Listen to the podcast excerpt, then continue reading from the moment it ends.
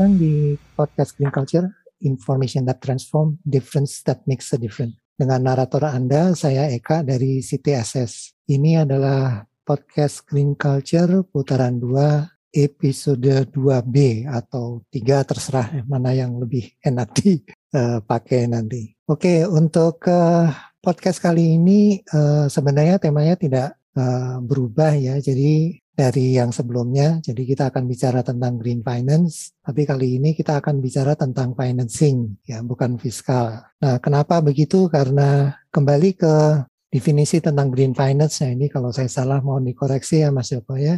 Jadi dari podcast-podcast yang sebelumnya uh, yang saya ambil adalah uh, tentang green finance itu adalah sebagai uh, sebenarnya bagaimana kita menggunakan dana sebagai investasi dan bukan sebagai biaya. Ya. Nah, ketika kita bicara tentang investasi, berarti dari dana itu harus ada kembalian atau returnnya. Returnnya itu bisa berupa benefit atau profit ya. Nah, uh, tentunya karena pembiayaan itu uh, ada di semua hal, semua sektor ya. Tidak mungkinlah uh, financing itu diatur secara sentral ya punya punya uh, semua dipusatkan kurang lebih pengertian saya begitu. Uh, mohon dikoreksi Mas Joko kalau ada pengertian saya yang kurang tepat tentang uh, investasi bukan biaya dan kembalian atau return dalam bentuk benefit atau profit. Oke, jadi kalau uh, apa uh, menjelaskan apa yang tadi disampaikan oleh Pak Eka, memang ketika kita bicara isu konservasi ya. Kenapa kita bicara tema hari ini adalah tema green financing. Jadi ada dua nomenklatur green dan financing dan mungkin uh, Bapak Ibu juga bisa pahami bahwa green financing ini mungkin menjadi jahitan yang baik untuk semua sektor gitu karena ketika kita bicara sektornya apa pun pasti pemersatunya adalah financing Nah, ketika kita bicara isu konvensional, bisnis as usual, memang financing ini sering kali dianggap menjadi momok. Hmm. Karena apa? Karena ya memang uh, pendekatannya bisnis as usual. Apalagi ketika bicara isu green, ketika bicara isunya konservasi, ya, karena pendekatannya kembali lagi bisnis as usual tadi dikatakan bahwa konservasi itu selalu uh, diterjemahkan dengan bahasa cost center dikit-dikit belanja, biaya, belanja, biaya, biaya, belanja, belanja. Jadi nggak pernah naik kelas gitu. Dan selalu kinerja dilekatkan pada alokasi anggaran. Ya kan? Nah ini menjadi menarik. Karena apa? Karena seolah-olah kalau nggak dapat anggaran, kemudian kinerjanya pasti jeblok. Meskipun kalau kita pahami ya, yang namanya nature belanja, dan ini bukan hanya di pemerintah, mungkin juga di uh, akademisi, kemudian di teman-teman masyarakat sipil, di private company juga pasti sama ya. Namanya nature belanja itu pasti ada self adjustment.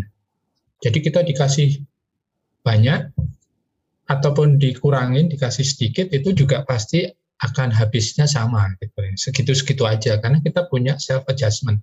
Nggak mungkin misalnya kita uh, dikasih banyak, kemudian kita sampai berlimpah ruah, ya kita uh, foya-foya kita nggak mungkin karena ada ada threshold yang membuat ya nanti perilaku kita akan akan normal saja gitu. Atau misalnya kita dipotong begitu banyak, kemudian kita uh, harus puasa setahun nggak ngapa-ngapain juga nggak mungkin gitu. Selalu ada self adjustment antara threshold atas dengan threshold bawah. Ini adalah nature belanja.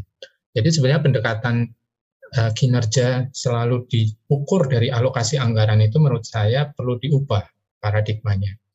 Apalagi kemudian uh, seperti yang kita diskusikan di seri berikutnya, pendekatannya konvensional, bisnis as usual, dan hanya nunggu dana publik ini yang agak repot nih. Karena apa? Karena seolah-olah kalau kalau nggak dapat dana publik dalam bentuk APBN ataupun APBD, kemudian kita bicara udah nggak usah kerja gitu ya. Hmm. Nah, di sinilah kemudian persoalan ketika ketika dua pendekatan tadi, green dengan financing, kemudian ditemukan seolah-olah dibenturkan. Green, konservasi, konotasinya cost center, nunggu dana publik, kinerjanya seolah-olah hanya dilekatkan alokasi anggaran, sehingga uh, tujuan utamanya menaikkan alokasi terus setiap tahun. Nah ini yang harus diubah paradigmanya. Pertama, diubahnya gimana? Kita bicara transformasi dari yang uh, cost center menjadi benefit center. Saya tidak bicaranya profit center, tapi benefit center. Kenapa? Benefit is uh, more than just profit. Kita bicara benefit itu ada main benefit, ada co-benefit. Dan itu lebih luas spektrumnya, dimensinya lebih luas dibandingkan hanya sekedar profit gitu ya. Cuman ketika kita bicaranya bergerak dari cost center menjadi benefit center, level acceptance dari semua pihak yang kita ajak dialog yang kemudian kita datangin itu pasti berbeda. Misalnya saya datang ke Mas Eka atau Mbak Dami atau Om Jojo, ayo kita bikin uh, kegiatan konservasi gitu. Kemudian saya nanya, e, kamu punya anggaran nggak? Gitu. Pasti kan kita jadi nggak enak gitu, lah belum apa-apa udah ngomong anggaran gitu. Beda misalnya saya ngajakin kemudian ayo kita setting uh, model bisnisnya. Karena di sini nanti akan ada uh, potensi untuk uh, uh, revenue baru, uh, ekonomi growth baru yang kemudian spread uh, apa, benefit ke semua aspek. Pasti level acceptance-nya beda gitu ya. Karena kita akan jadi lebih semangat gitu loh daripada di tahap awal saya udah langsung ngomong, "Eh, kamu punya alokasi anggarannya berapa?"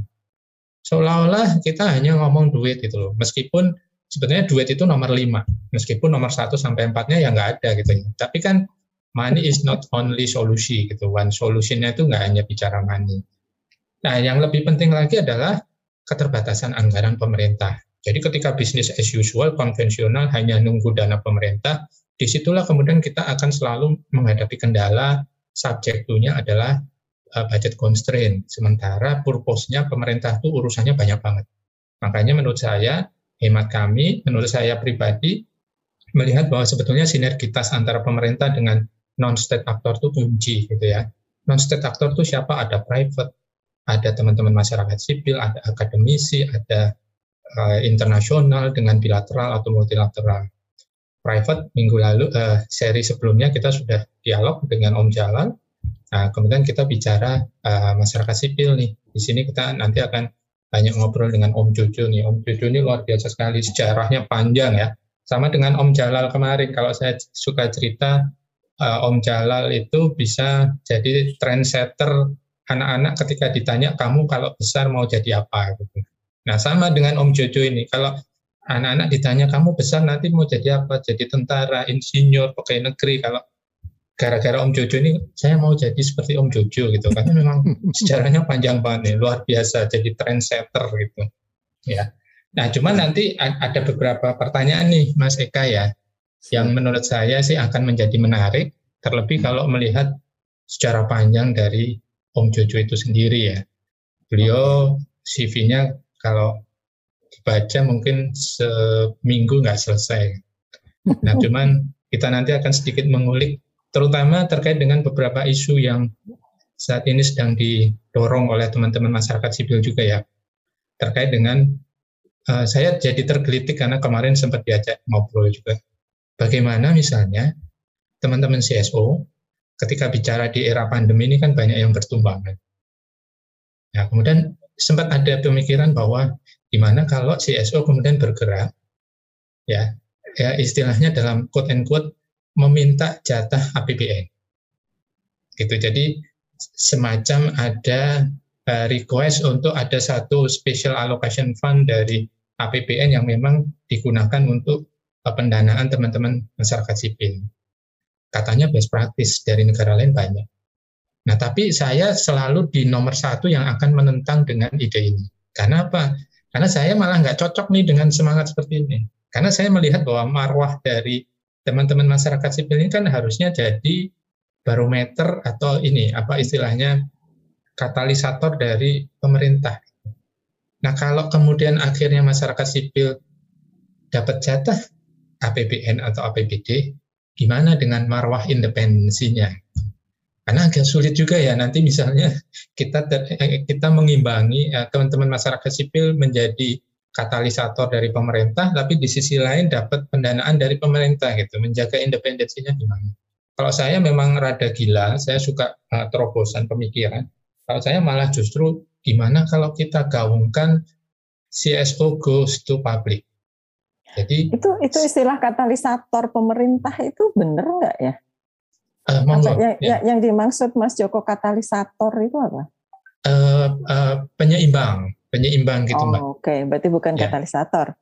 Oh iya. Apa ya? Apa? Apa ya? Balancing. Ah, ah balancing. Balancing. Iya, iya, iya. Luar biasa okay, Mas Jojo ya. Clear, Sengaja clear. saya kasih umpan ternyata Om Jojo langsung smashnya kayak ini. Isin.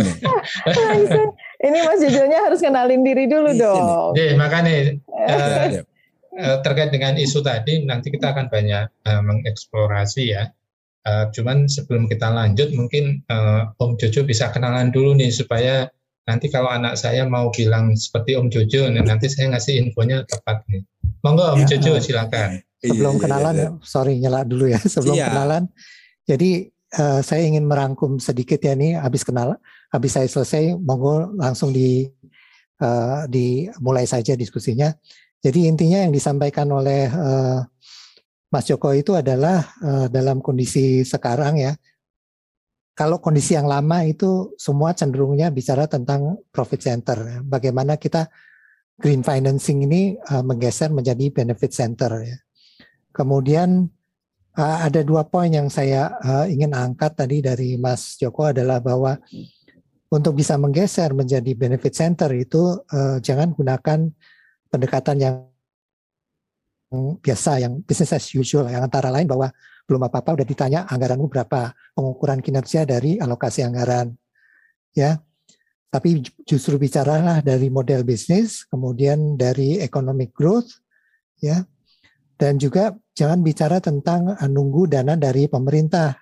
Selain nanti ada masalah uh, uh, tentang misalnya CSO mau dilibatkan masalah independensi tapi jangan gunakanlah hal itu sebagai uh, jangan gunakanlah business as usual dalam kondisi yang sekarang mungkin ada pandemi dan segala macam. Kurang lebih itulah uh, green financing yang akan kita bicarakan hari ini uh, sejauh penangkapan saya. Moga-moga tidak salah ya. Monggo Mas Jojo di uh, memperkenalkan diri, kemudian langsung dimulai saja dengan siap. Aku komen. apa uh, numpang permisi dulu gitu kan. Uh, ini baru pertama kali ngikut ngobrol sama senior seniorku langsung di dinyek itu. Pertamanya dinyek sama Mas Joko itu sebenarnya ngenyek dia. Dia ngenyek itu menunjukkan bahwa aku lumayan tua gitu kan. Jadi nggak aku muda nggak bisa. Kamu udah udah tua. Temennya temenannya udah profesor profesor pasti udah ini angkatannya angkatan ini nih Pak Harto nih Pasti udah gawat ini. Jadi sebenarnya dia ngenyek itu bukan bukan membuat aku bangga, tapi membuat berkaca berkaca. Ini kok, aduh, baru tamu pertama kali datang. Ya, kenalan dulu, kenalan dulu. Aku Jojo. Kenalan dulu. Uh, Jojo, Jojo sebenarnya nama nama panggung karena uh, lidahnya orang Indonesia susah manggil nama asliku karena memang agak separuh-separuh Spanyol ya paruh nyolong maksudnya paruh nyolong identitas uh, namanya Giorgio gitu aslinya resminya kalau di CV tapi uh, dipanggilnya Jojo karena orang Indonesia nih kayak lidahnya Pak Joko ini kan agak susah ya makanya pecel soalnya kalau ini panggil Jojo itu masih panggilnya harus keju gitu. Nah, itu kan. Nah dan ini pancingannya Om Joko ini selalu selalu menarik gitu ketika ngomong uh, green budget gitu ya green green budget atau pokoknya semua semua serba green gitu. Kemarin Pak Presiden juga baru bicara soal uh, apa namanya uh, green economy gitu ya. Uh, apa nanti masyarakat sipil bilang green party gitu, uh, partai hijau. Semua serba hijau. Dan uh, uh, apa yang hijau gitu? Itu pertanyaanku sebenarnya dari kemarin nih yang hijau apanya gitu. PKB juga sekarang hijau gitu kan. NU dari dulu ya hijau udah udah lebih hijau daripada kita gitu kan. Cuman uh, apa namanya? kehijauan kayak apa? Kok NU yang diangkat sih? NU. Ya, soalnya hijau kan, hijau nih hijau banget gitu. Greenpeace belum lahir dia udah hijau duluan gitu kan. Betul, betul, betul. Ini hijaunya hijau yang mana gitu kan. Nah karena sekarang ketika misalnya kita bicara indikator pencapaian eh, kinerja IKU hijau pun gitu kan eh, penentuannya kan sejauh ini sebelum Pak Joko masuk dan memberikan inspirasi kepada pemerintah daerah kan eh, lagunya masih lagu lama lagu lama tuh aku selalu diajarin sama PNS juga nih daerah-daerah ya Pak lagunya pasti udah cuman eh, apa 3P lah Pak apa tuh prasarana, pendanaan, sama personil. Nah itu udah udah penyakit dari zamannya Pak Harto, dari zaman kemerdekaan pasti itu gitu kan. Nah, eh, cuman kan aku sebagai sebagai orang yang suka nongkrong di warung itu kan ngobrolnya sama bapak-bapak biasa kalau bapak-bapak di warung itu kan, Pak Indonesia itu negara kaya Pak, wah gila lu ini minyaknya wah gitu gitu kan. Kayaknya pede banget gitu.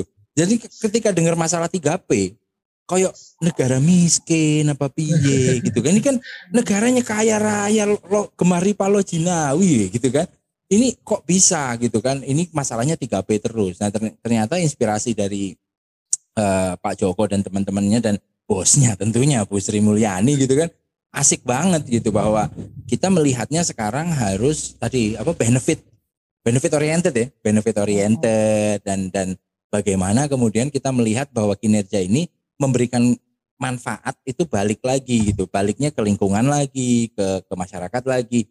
Dan aku selalu bilang sama teman-teman di daerah, termasuk yang bupati-bupatinya, Pak ini kalau Bapak mau ngomong politik nih Pak, ini jualan politik paling oke. Okay. Artinya Bapak bisa mulai menjual politiknya itu masaku nih lima tahun, hutan selamat loh. Wah, walaupun di belakangnya akhirnya dapat duit, dapat insentif dari Pak Joko. Cuman setidaknya ini bisa dipakai untuk bahasamu, gitu. Bahasanya Pak Joko biarin aja dia bukan politisi udah biarin. Ikutin aja pokoknya diambil manfaatnya gitu loh. Maksudnya bocorannya itu begitu biar nggak nggak bingung oh, lingkungan ini apa? Gitu kan biasanya ini mestinya izin apa segala macam cuma menurut aku ini pendekatan yang menarik. Nah tapi aku pengen ngasih eh, pandangan juga yang lain terhadap bagaimana misalnya masyarakat sipil bisa terlibat dalam urusan-urusan green-greenan ini dan bagaimana pendekatan APBD atau APBN dulu kan jadi kalau yang bener ngomong dulu oh bener kan Jojo orang orangnya udah pra, prasejarah nih. Dulu menurut para mentor-mentorku gitu kan dulu Jakarta pernah dipimpin oleh seorang yang hebat namanya uh, Ali Sadikin. Itu itu legenda gitu ya legenda hidup living living legend uh, yang memang nyata orangnya ada. Dan dia membiayai NGO yang terbesar yang pertama yang ada di Indonesia LBH Jakarta jadi gedung LBH Jakarta itu dikasih duit sama APBD-nya DKI. Dan dia hmm. cuma bilang, e, apa namanya Pak, ini nanti nggak independen. Saya mau piara macan di rumah saya. Wah, ngeri. Jadi e, masalah independensi ini adalah bagaimana kita menyikapi masukan-masukan atau kritikan-kritikan dari NGO. Dan pada zamannya Ali Sadikin ya tentu aku sekalian bilang bahwa pemimpin harus modelnya kayak Ali Sadikin gitu, berani miara macan di kandangnya. Walaupun teman-teman yang mendengar jangan miara macan ya, itu dilindungi. Maksudnya ini kiasan gitu, jangan jangan kemudian nanti ke Taman Pramuka nyari macan gitu, jangan. Kucing aja. Uh, ini cuman kiasannya Pak Ali Sadikin bilang, aku mau miara macan. Tak kasih makan macannya, biar aku gagah. Karena semakin macan itu mengaum, aku pun akan berkaca apa yang salah dengan aku. Gitu nah. Ini kan ada kedewasaan pemerintah. Nah kalau yang sekarang nih aku kritik sekalian, nggak tahu boleh apa enggak di podcast ini ya salah sendiri ngundang Jojo gitu kan. Uh, kalau yang dari sekarang dulu, ini kan dari dulu tukang protes Jo. Jadi udah, itu dia. Jadi udah dinilai dari CV-nya nggak ada soalnya. CV ahli protes gitu nggak ada. Jadi ini memang terselubung gitu kan. Kalau yang sekarang kan kita bahaya nih. Bahayanya dalam arti kita ngomong salah sedikit, ah, bukan ngomong salah, maksudnya ngomong agak agak sedikit aja gitu, agak sedikit. Pak ini ke mana ya? Gitu misalnya Bu Menterinya Bu Menterinya, ini biar aja biar ada anak buahnya, kan yang dimarahin dia. Bu anak buahnya, eh, Bu Menterinya Pak Joko ke mana ya? Kok nggak pernah kelihatan gitu. Padahal ini ekonomi lagi krisis gitu kan. Itu misalnya kita taruh di apa mural atau di mana gitu. Bu itu langsung buzzernya nyerangnya udah kayak tawon. Wah, lah ini gimana mau miara macan? Ya kan? Nah ini ini juga pertanyaan buat kita. Mau ke mana wajah kita ke depan? Karena ini akan berpengaruh sama uh, budget-budgetan ini. Nanti jangan sampai kalau misalnya ada ide untuk misalnya budget ke pemerintah ini kan pasti nanti dibeli. Orang isinya di situ teman-temanku semua kok. Teman di istana kan isinya teman-temanku semua. Murid-murid yang badami semua itu kan. Aktivis-aktivis uh, tuwek gitu kan. Oke pak kasih aja duit. Nah, nanti begitu dikasih duit tes digugat eh kamu udah dikasih duit kok malah gugat. Nah ini ini menarik nih untuk untuk kita kupas. Kira-kira mentalitinya pemerintah ini uh, piye gitu dan mentality masyarakat seperti apa. And aku setuju banget lah. Om Joko tadi bilang kita NGO go public, aku pun di Madani eh, Yayasan Madani Berkelanjutan sedikit promosi. Silakan kunjungi madaniberkelanjutan.id teman-teman uh, sangat menarik di situ. Ada gambar ganteng saya itu kalau belum melihat wajahnya. Uh, di situ uh, kita mencoba untuk melihat dari konteks benefit dan produk gitu. Karena kita juga nggak mau terikat selamanya non profit. Cuman nanti kita mau berubah sedikit demi sedikit bahwa NGO itu uh, uh, organization that driven by mission gitu. By hmm. missionnya bukan by donornya gitu ya Mbak Dami udah ngerti lah udah ketawa-ketawa alah Jo lu ngomong kayak gini udah tahu gitu. Kalau kalau gitu mau, mau nanya nih menarik nih karena justru Jojo ketika awal justru mengambil contoh LBH eh, ya dengan Pak Ali Sadikin gitu. Jadi ada perbedaan antara Mas Joko tadi yang mempertanyakan jika pemerintah memberikan apakah bisa tetap menjaga independensi dengan bukti yang diberikan oleh Jojo gitu bahwa sebetulnya independensi itu masih masih bisa terjaga. Jadi in terms kalau kita bicara tentang green finance itu kembali ya kita sekarang bicara dana publik lah kita ngomong dana publiknya dulu. Uh, setelah mendengar dua yang berbeda ini gimana gimana nih Mas Mas Joko? Tadi kan Mas Joko bilang meragukan independensi. Ini bukti nyata ada.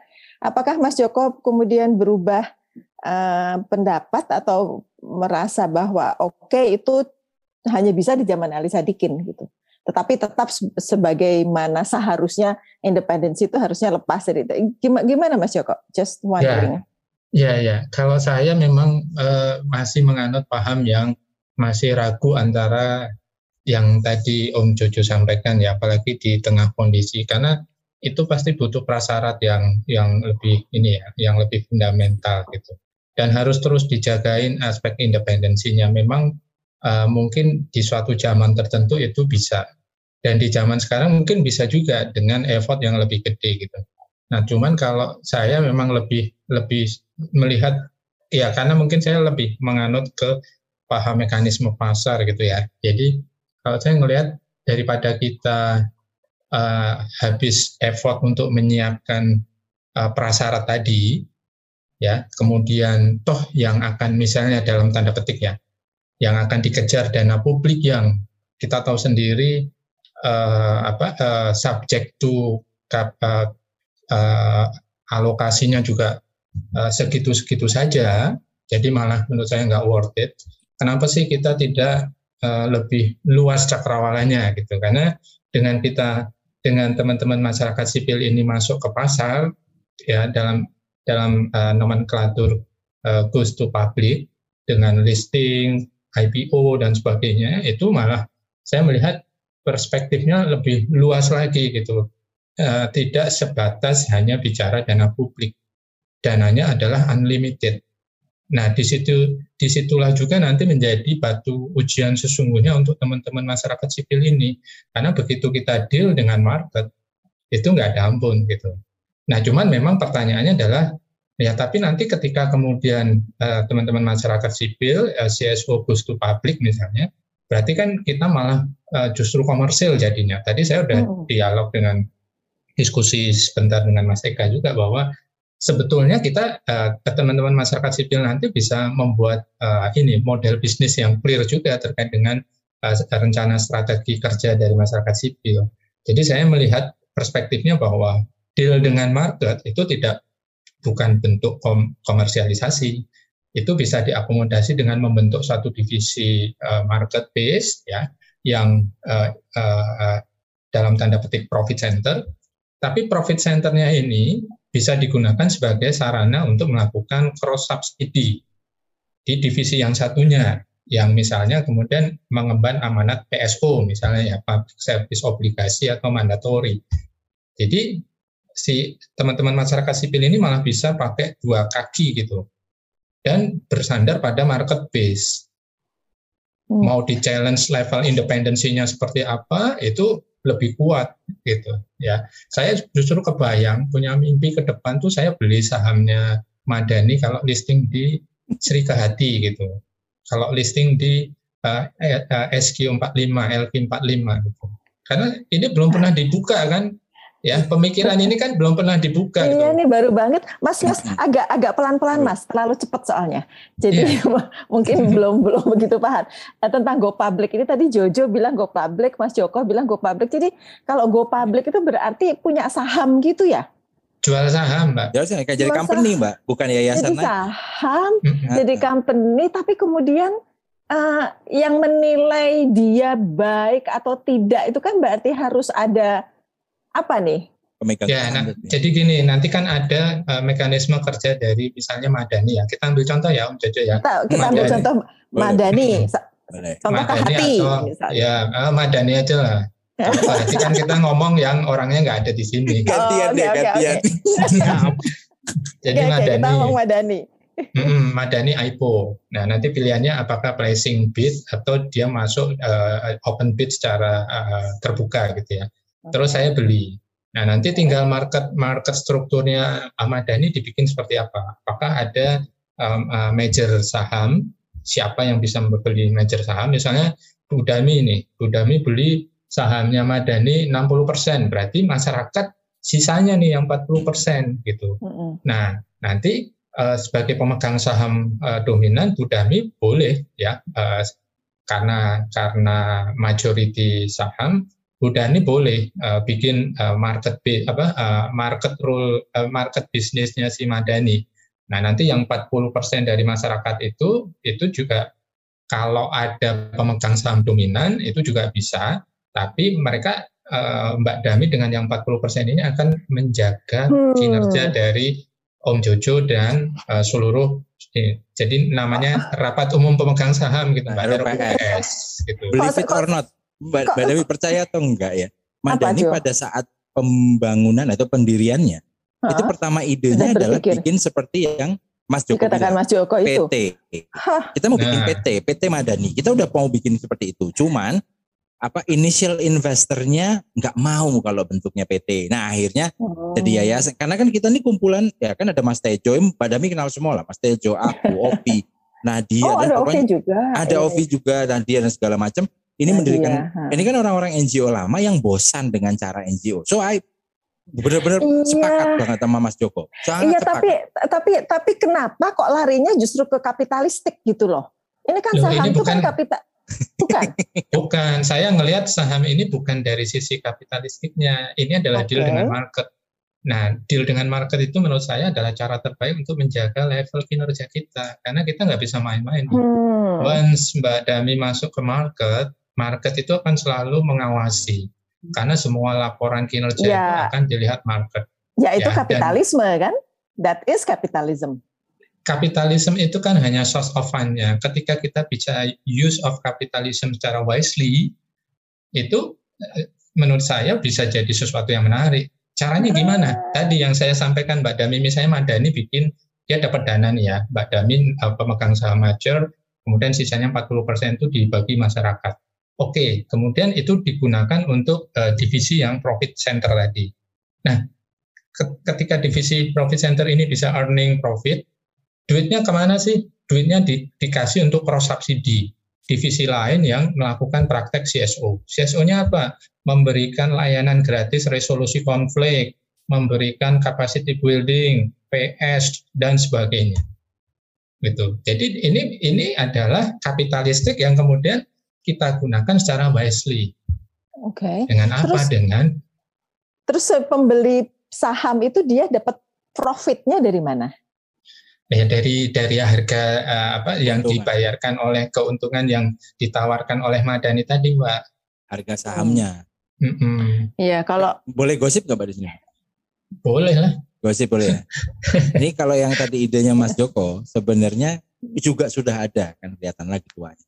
Eh, dulu ada NGO yang besar sekali, aku nggak sebut nama lah. NGO-nya besar sekali di Bogor. Mbak Dami mungkin tahu.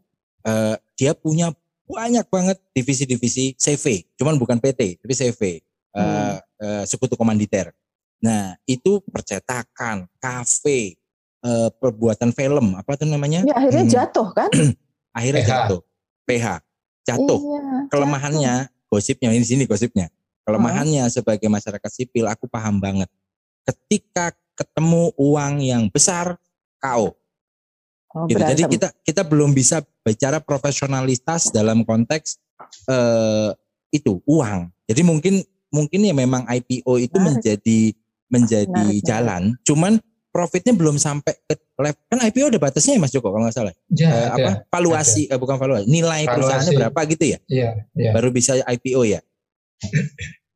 Iya. Se- secara konsep menarik ya, tapi kemudian bahayanya juga ketika yang membeli saham mayoritas itu adalah orang yang sebetulnya punya udang di balik batu misalnya. Ah, Jadi dia ya. menguasai besar dan Greenwashing.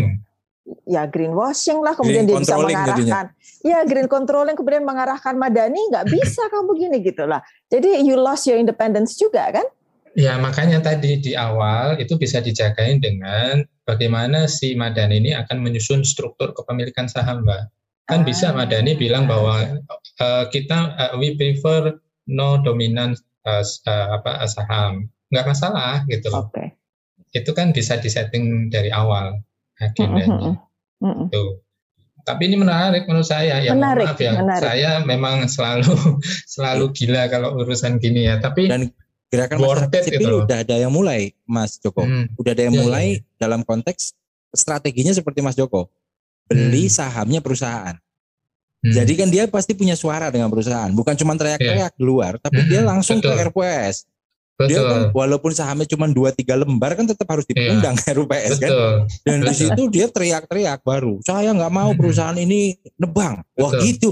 Bilang Betul. Oh, cuman dia maksudnya bukan keuntungan Mbak Demi, cuman ya lebih ke ngambil suara Hmm. tadi gitu. Nah, itu yang Betul. yang menurut aku juga strategi menarik untuk untuk gerakan masyarakat sipil ke depan nggak boleh alergi dengan pasar gitu. Hmm. Hmm, menarik nih. Saya, saya, saya suka nih topiknya. Jadi ada sebuah cara baru ya untuk melihat bagaimana masyarakat sipil itu bisa uh, so- resource uh, resource mobilization model baru gitulah ya. Ya, Em, Mas Joko setuju, Mas Jojo setuju, eh, tapi tetap perlu ada the voice of conscience. Nah, saya mungkin mau mengambil posisi di situ karena saya belum paham gitu aja sih. Jadi karena saya belum paham, saya akan bertanya terus sampai eh, Anda berdua bisa meyakinkan saya bahwa this is the way forward. Oke. ya. aku masih bingung dengan sahamnya itu mas mungkin karena aku nggak aku nggak tahu apa-apa tentang itu kali ya kalau misalnya gini eh, saya punya saham di Apple ya itu kan jelas dia buat eh, produknya adalah produk Apple yang kemudian orang makin eh nggak boleh ngomong ya Eh, produk whatever ya yang, yang yang kemudian harga sahamnya makin naik karena ya orang-orang suka gitu itu nah itu saham karena ada ada bentuk produknya nah kalau kita konservasi produknya itu kan menjaga alam ya. Itu, Iya, jasa lingkungan. piye? Ha, gi- gimana Ya Mas kan, Joko? Mungkin perlu di, di, di- di- dijelaskan dengan memberikan contoh gitu biar para pendengar Siap. juga bisa lebih paham. Siap. Jadi kan ke depan investa- saya percaya bahwa investasi in- eh, model investasinya itu adalah investasi jasa lingkungan. Ya, ketika kemudian kita memberikan valuasi atas jasa lingkungan yang kita nikmatin. Karena Mm-mm. salah satu kelemahan juga kenapa konservasi itu sulit ya bergerak itu karena memang kita lupa memberikan valuasi atas nilai konservasi kita Betul. gitu loh. Orang menjadi tidak wise ketika dia mengkonsumsi barang bebas. Kalau di dalam teori ekonomi itu kan ada pembagian barang bebas, barang privat. Barang bebas itu adalah barang yang kita konsumsi tanpa kita harus memberikan effort. Karena dia tersedia secara melimpah. Nah, Oh. itu ah, aku aku aku boleh boleh motong sebentar nih ya, sorry ya. Iya, Tapi iya. ah, I'm I'm I'm trying to argue di sini. Itu terjadi karena ada ke, ke perubahan paradigm yang terjadi saat ini ketika manusia berubah dari zaman dulu yang misalnya lebih nerimo, lebih holistik gitu-gitu kemudian dimasukkan dengan teori-teori ekonomi modern yang membuat kita menilai segala sesuatu tuh dari nilai uang. Kesalahannya itu di situ, Mas. So Oh. the paradigm bahwa kita memikirkan uang itu yang salahnya di situ bukan dia melimpah zaman dulu melimpah tapi kita menghargai gitu kan air kita hargai, udara kita hargai zaman dulu ya. Nah, itu jadi bukan karena eh, apa ya, bukan karena melimpah kita tidak menghargai tapi perubahan paradigm dari manusia yang salah sehingga menyebabkan kita menjadi seperti ini.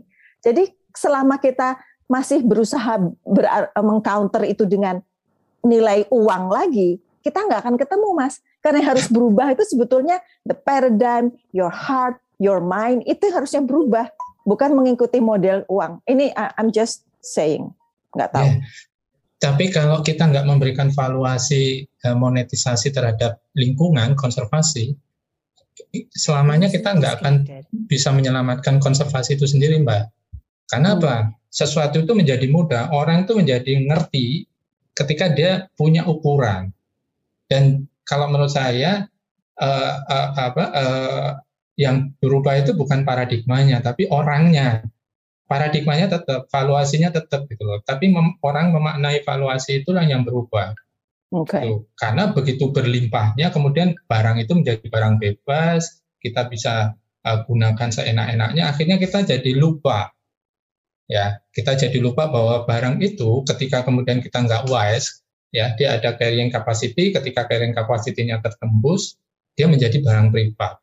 Ketika jadi barang privat ya kita harus bayar gitu. Nah, bagaimana mencegah supaya jangan sampai orang menjadi kebablasan? Jangan sampai me, me, apa, um, membuat orang tidak wise di dalam mengkonsumsi. Udara bebas, udara bersih itu menjadi menjadi tidak uh, orang menjadi tidak wise meng, uh, di dalam mengkonsumsi karena tidak ada valuasinya, tidak ada nilainya. Gitu. Jasa lingkungan itu kenapa orang menjadi uh, paradigmanya berubah dari barang bebas menjadi barang privat ya karena kita lupa memberikan nilai. Gitu. Kita cuma bicara bahwa uh, kekayaan Indonesia luar biasa, kita dianugerahi biomega diversity. Tapi pernah kepikiran nggak how to measure, misalnya di, di, di, di, diberikan valuasi, sebetulnya mega biodiversity kita kalau dibikin in terms of moneter, monetisasi itu berapa sih? Supaya ketika kemudian kita ada upaya untuk menjaga orang itu bisa dipahamkan dengan common sense yang bersama gitu. Eh, kamu jaga hutan ya. Loh, kenapa sih saya harus eh, kenapa sih saya jaga hutan? Kalau orang kalau paradigma yang dulu ya karena kita believe, karena kita patuh sama pokoknya kamu jaga. Mm-mm. Selesai. Tapi sekarang, sekarang ketika, bisa lagi ya. Ketika orang kemudian karena uh, dengan apa uh, uh, perubahan zaman, globalisasi, ya motif itu kan berkembang. Jadi hmm. cara ngomongnya juga beda. Kita nggak pakai lagi bicara, eh kamu jaga hutan ya. Kenapa sih? Pokoknya dijaga aja karena dulu nenek moyang kita jaga juga. Oh nggak bisa gitu. Dia akan selalu men-challenge itu. Makanya cara ngomong kita juga berubah. Okay. Kamu jaga hutan ya. Loh kenapa sih? Kalau kamu nggak jaga hutan, kamu harus bayar lebih mahal. Lebih mahalnya berapa? Kamu tahu nggak nilai satu hutan ini berapa? Jadi ada harus ada accounting dari biodiversity-nya itu hutan ini ada A, B, C, D, E, F, G, dan seterusnya. Kalau di total, ini loh, ya nilai hutan itu kurang lebihnya segini. Kalau you nggak mau jaga, you harus bayar dobling. Karena begitu ini hilang, dia akan dobling jadi disaster dan you harus bayar lebih mahal. Oke, okay, got it katakanlah aku setuju gitu. Nah sekarang step berikutnya bagaimana? Nah supaya Madani itu bisa laku. Nah, nah itu tadi Mbak. Jadi kan uh, uh, saham tadi Mbak Dami kan bicaranya saham itu harus selalu dikaitkan dengan produk. Nah padahal produk ke depan namanya produk jasa lingkungan itu itu ya jadi produk gitu loh dan itu malah produk yang mahal. Ya, hmm. Ya kemarin ketika ngobrol sama kepala desa yang di Bantul dia cerita Mas saya itu harus jaga desa. Karena apa? Desa itu punya tiga hal yang ke depannya akan langka. Udara bersih, air bersih, pangan bersih. Gitu. Nah ini kan jadi produk nih. Sesuatu yang sebetulnya intangible, kita nggak bisa ukur, tapi harus ada valuasinya. Gitu. Udara bersih, berapa sih nilainya? Jangan sampai kejadian kita harus minum udara bersih dari botol Coca-Cola misalnya. Jadi begitu iya, dibuka iya, langsung disedot itu ya. Nah nanti teman-teman madani ini akan bergerak misalnya ketika dia listing, dia akan menawarkan produk jasa lingkungan. Itu produk jasa lingkungan itu apa saja banyak ya, tapi tentu butuh yang tadi madani melakukan valuasi. Misalnya uh, dia punya produknya adalah uh, konservasi atau uh, restorasi ekosistem uh, hutan A gitu. Produknya apa? Produknya penyelamatan dengan valuasi senilai uh, berapa triliun. Nah, ketika dia sukses di dalam prosesnya, dia laporkan kinerjanya itu. Ya, saya beli sahamnya mereka. Dengan saya beli saham, saya nyetor duitnya. Duit itu dipakai teman-teman uh, Madani untuk bisa uh, ini apa uh, melakukan penyelamatan itu. Nanti okay. mereka lapor. Saya dapat apa? Terserah. Nanti uh, dia uh, Om Jojo ngasih tawarannya apa nih? Eh, you dapat bagi hasil ya. You dapat ini ya, dapat in kind, hmm. bla bla bla bla gitu. Nah, ini adalah bentuk perikatan yang ketika kemudian kita bicaranya market deal, market deal itu nggak bisa dibohongi.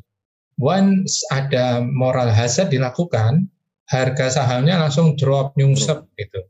Kecuali ada apa ada ini ya apa istilahnya broker-broker itu ya. Saya sih nggak nggak nyaranin kalau kemudian nanti terjebak di secondary market dan sebetul, dan sebelumnya sehingga jadi saham gorengan gitu. Makanya hmm. memang harus main di saham yang yang blue chip. Kita itu belum punya loh.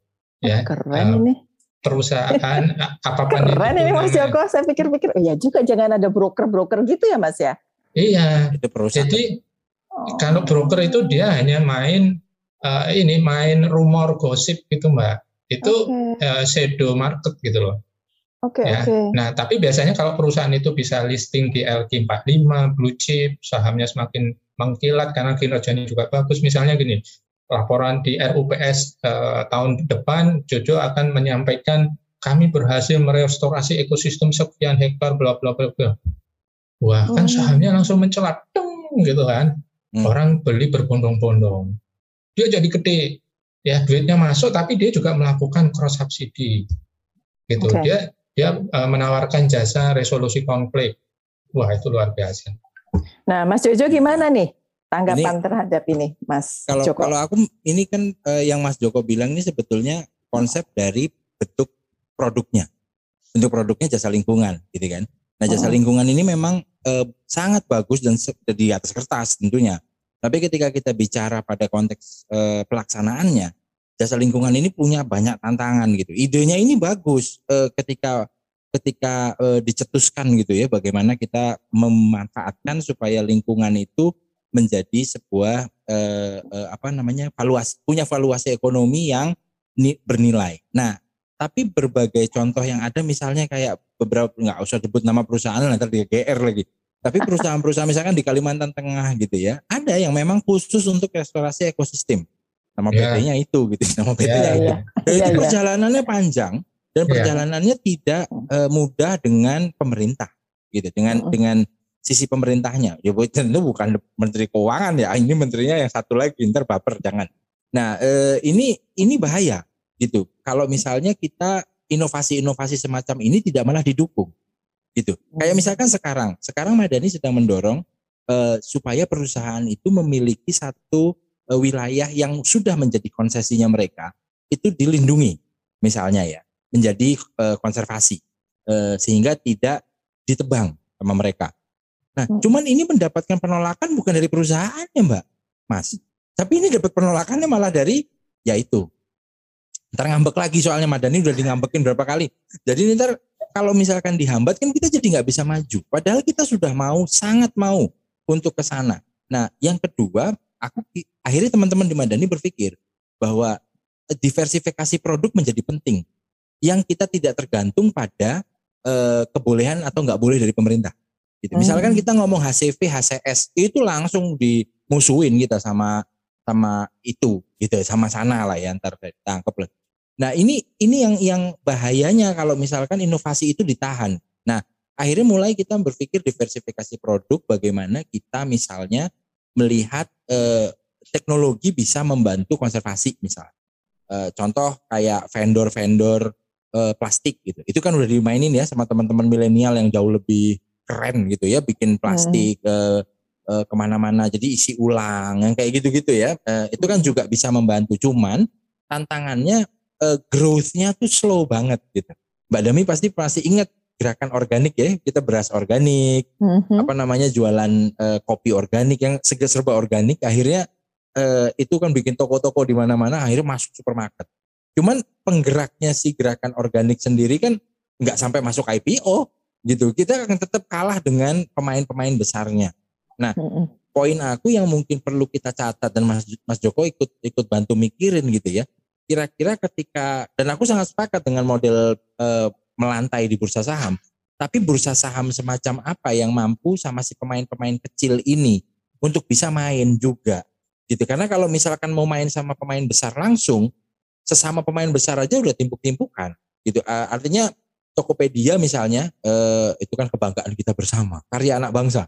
Itu kan juga untuk mau melantai aja banyak pertimbangannya. Nah eh, apalagi kita yang misalkan baru mau masuk udah disentil sama sisi situ gitu eh, habis itu disentil pula sama teman-teman pemain yang lain. Nah ini yang yang menurut aku eh, satu pertimbangan yang juga nggak kalah penting. Karena untuk untuk bisa maju kita harus mencoba dulu kan. Eh, eh, eh, apa ya mau mau melakukan sesuatu kan ya udah kita mulai. Nah ketika kita baru mau memulai misalkan kita baru mulai di dua desa aja di dua desa kita baru memulai di situ ada tantangan lagi langsung gitu. Bahwa ini misalnya eh, bukan kita ya alhamdulillah ya eh, misalkan teman-teman lain gitu mau menjual karbonnya. Nah ini kan sensitif banget ya jualan karbon segala macam stop nggak boleh. Belum ada nilai ekonomi karbon. Belum ada ini ini ini ini. Ya maksud aku ya mbok ya oh ini dia dibiarin aja dulu teman-teman belajar. Toh kan juga pemerintah bisa belajar juga dari prakteknya ini kalau ada yang hmm. kurang ada yang curang ada broker-broker itu apa yang harus dilakukan? Nah ini kan bisa bisa belajar juga. Cuman ini nggak langsung ditahan. Ya kita eh, Madani belum belum berani untuk jualan karbon kan. Daripada dimusuhin nggak jualan aja dimusuhin apalagi jualan. Jadi kita ngelihatnya eh, ke mana kita mau kolaborasi. Ini aku akhirnya jadi sering ngobrol sama Pak Joko, Pak Joko karena yang ngobrol sama sesama teman-teman hutan itu jadi kayak dimusuhin mau ngobrol nggak hmm. berani mau ini gak. ya hmm. aku mau curhat sama Pak Joko Pak nih gimana nih nggak ada teman ngobrol ya udah ngobrol sama aku lah itu jadinya ngobrol begini gitu Mbak Dami jadi ada yeah. banyak pesan-pesan apa ya catatan-catatan kecil lah catatan-catatan yeah. kaki yang perlu kita kita pikirin bareng ini yeah. aku sepakat banget kalau misalkan kita harus go public, harus menjaga profesionalitas dan memang itu aku udah bilang sama teman-teman Madani, kita sekarang nggak boleh project oriented, kita harus bilangnya product oriented. Hmm. Apa pun produknya, product oriented karena kita harus bisa mengeluarkan sesuatu yang bermanfaat gitu. Misalkan dulu aku pernah nulis bareng sama Mbak Dami itu nulis tentang uh, rekayasa genetik gitu ya. Itu kan nggak pernah bisa dijual di toko buku, Mbak dan gak ada juga yang baca yang baca kita kita melulu gitu kan udah nulis capek gitu iya, karena kita iya, orientasinya kan orientasi bahwa ya sudah ini ada ada proyek kita kerjain advokasi hmm. dan lain-lain gitu kan bukan yeah. kepada sebuah produk gitu artinya kan kalau produk kita ngomong market uh, research kita ngomong market maunya ngapain kita ngomong sebetulnya yang dibutuhin sama market apa pain pointsnya apa jadi udah kacamatanya kacamata uh, apa kapitalis dalam bentuk sosialis nanti penerapannya gitu. Penerapannya tetap harus sosialis dan hampir semua perusahaan besar paling tidak yang FMCG aja yang yang ada di Indonesia gitu sudah pakai social social driven semua. Karena milenial maunya itu, Mbak. Hmm. Ya kan sekarang kalau misalkan uh, hmm. let's say lah perusahaan besar uh, nah kalau ini udah besar banget jadi dikenal Unilever gitu misalnya. Unilever kalau social value-nya drop, wah udah pasar pasti goyang. Makanya hmm. dia ngedorong banget untuk oke okay, plastik dikurangi gimana, untuk jemput bola uh, isi ulang gimana dan yang lain-lain sebagainya. Jadi dia memang genjotnya kencang banget. Dan itu perusahaan yang dulu kita nggak pernah nyangka kayak gitu. Nah sekarang kan kalau usulnya Pak Joko ini kan gimana NGO yang memang sudah setiap harinya bekerja untuk lingkungan, yang Mbok Yao sekarang nambah nambah bidangnya yaitu eh, apa namanya jualan gitu. Jualan produk dalam tanda kutip jualan produk untuk tujuan konservasi. Nah, itu kan menarik. Menarik, gitu. menarik. Oh, ya, Mbak. Nah. Ya, jadi kalau saya ngelihatnya justru itu tadi Om Jojo, kita jangan bicara isu besarnya dulu nih. Karena kalau memang ada restriksi kan ya kita harus cari jalan yang lain dulu gitu ya. Berdamai dengan pasar tapi kita tetap kita tetap deal dengan pasar gitu misalnya kita ambil dan jenengan ambil segmen produk yang uh, consumer goods itu kan mungkin bagus ya kayak tadi yang apa uh, gerakan waste for change dan sebagainya itu kan juga tetap uh, ada di dalam ranah konservasi gitu jadi tidak di level karbonnya dulu atau di, yang yang sederhana aja dulu mulai dari hmm. yang yang paling dekat dengan kita tapi itu jadi satu uh, model bisnis terapan yang kemudian kita evaluasi bersama itu Hmm. Tentu nggak langsung bergerak di isu yang besar ya. Cuman kita mulai dari yang kecil, maksud saya adalah uh, deal dengan pasar adalah uh, uh, metodologi terbaik untuk menguji kita. Oke. Okay. Gitu. Nah, apakah itu dimulai dari produk yang gede dengan isu yang besar atau uh, dengan segala kompleksitasnya, ada batas kewenangan, ada yurisdiksi, mm -hmm. ada ada isu-isu yang lain, atau kita main di teman-teman uh, NGO main di level uh, small small product dulu gitu ya. Jadi kayak uh, pengembangan apa uh, komoditi berkelanjutan. Karena kebetulan uh, saya dengan teman-teman penggerak uh, apa, uh, pojok desa itu banyak melakukan hal seperti ini dan dan rate of successnya luar biasa gitu. Jadi di tengah pandemi yang begitu hebat, mereka uh, uh, menyiapkan misalnya uh, ke depan akan melakukan 8 kali ekspor uh, untuk produk berkelanjutan. Ini kan menurut saya uh, harus harus jadi best practice nih, harus bisa direplikasi model-model gini dan ini levelnya desa. Gitu. Kita bikin Sampai, kooperasi. Mas Joko mau nanya kalau dari sisi apa kebijakan pemerintah kebijakan publik ya visible nggak ini betul-betul menjadi sebuah apa tren baru gitu ya bahwa um, NGO bisa go public itu, itu sulit nggak untuk mencapai itu kira-kira berapa tahun itu bisa betul-betul menjadi terrealisasi gitu mas tergantung dari dari ini ya cara, cara dan uh, apa the way uh, going forwardnya yang kalau menurut saya ya mbak ya. Uh, kalau saya melihat kemasan yang bagusnya itu kalau di, dibungkus dengan ekonomi kreatif. Itu menurut saya luar biasa karena ekonomi kreatif sendiri kan dimensinya besar tuh. Ada 16 klaster. Nah di situlah sebetulnya peluang buat teman-teman konservasi itu untuk untuk bergerak maju gitu konservasi adalah bajunya tapi topinya kita bisa pakai ekonomi kreatif gitu ya. Nah, nanti tinggal kendaraannya kita mau pakai apa nih? Produk berkelanjutan, produk berkelanjutannya apa ya. Kemudian tapi jangan lupa model bisnis, institusionalisasi, kelembagaan itu harus jadi kata kunci. Nah, ketika ini sudah dibungkus, barulah kemudian ayo ya kita bareng-bareng masuk ke bursa. Apakah dengan kendaraan NGO-nya atau dengan kendaraan kelembagaannya itu sama saja gitu itu hanya pilihan tapi menurut saya uh, ini adalah pola-pola yang berpikir yang harus kita banyak diskursuskan nih karena mm -mm. kalau kita kalau saya ya mohon maaf nih Om Jojo ya kita setback uh, kemudian teman-teman CSO uh, eh, dana publik kalau saya justru melihatnya ini setback gitu loh ya mm. sekalian kita capek uh, bikin oh adzan. Kita dengerin dulu Om Jojo kan nasionalis religius. Siap. Mas uh, Mas Joko sebetulnya waktunya juga udah mau habis nih ya. Habis ya. Uh, udah itu. Siap. Berarti uh -uh. closing ya. Jadi uh, kita closing aja. Mungkin uh, ini Mas Jojo dulu sebagai closing statement apa nih yang ingin disampaikan pada teman-teman pendengar podcast Green Culture? Siap kalau aku mikirnya kita memang harus uh, berani untuk berinovasi gitu ya. Artinya kayak kayak yang Mas Joko katakan aku totally sepakat bahwa uh, sudah waktunya kita untuk berpikir. Karena if we don't innovate we die. Udah pasti. NGO oh. kalau begini begini terus kita akan nggak ke mana-mana gitu. Dan uh, dan ini juga uh, perlu kita pikirkan uh, berbagai salurannya.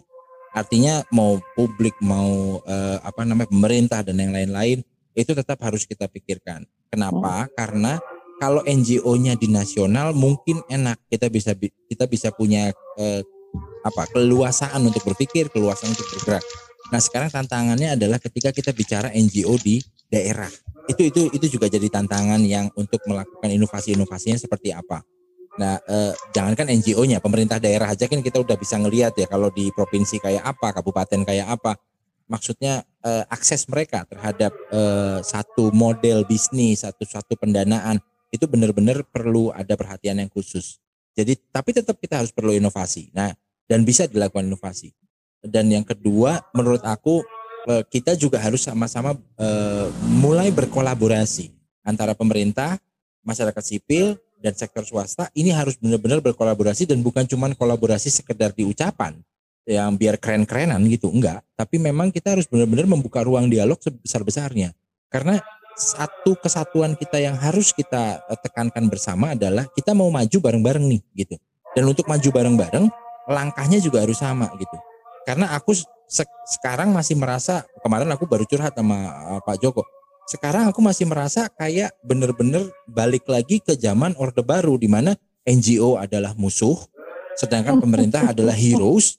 Jadi lu jangan macem-macem gitu. Nah, seketika aku ceritakan lu, makanya ketika aku ceritakan, Pak sabar dulu. Ini saya ceritakan soal kisahnya budget tagging aku bilang gitu. Di mana budget tagging ini adalah proses di mana pemerintah dan masyarakat sipil mampu berdiskusi dan menghasilkan satu konsep yang baru. Dan dia kaget.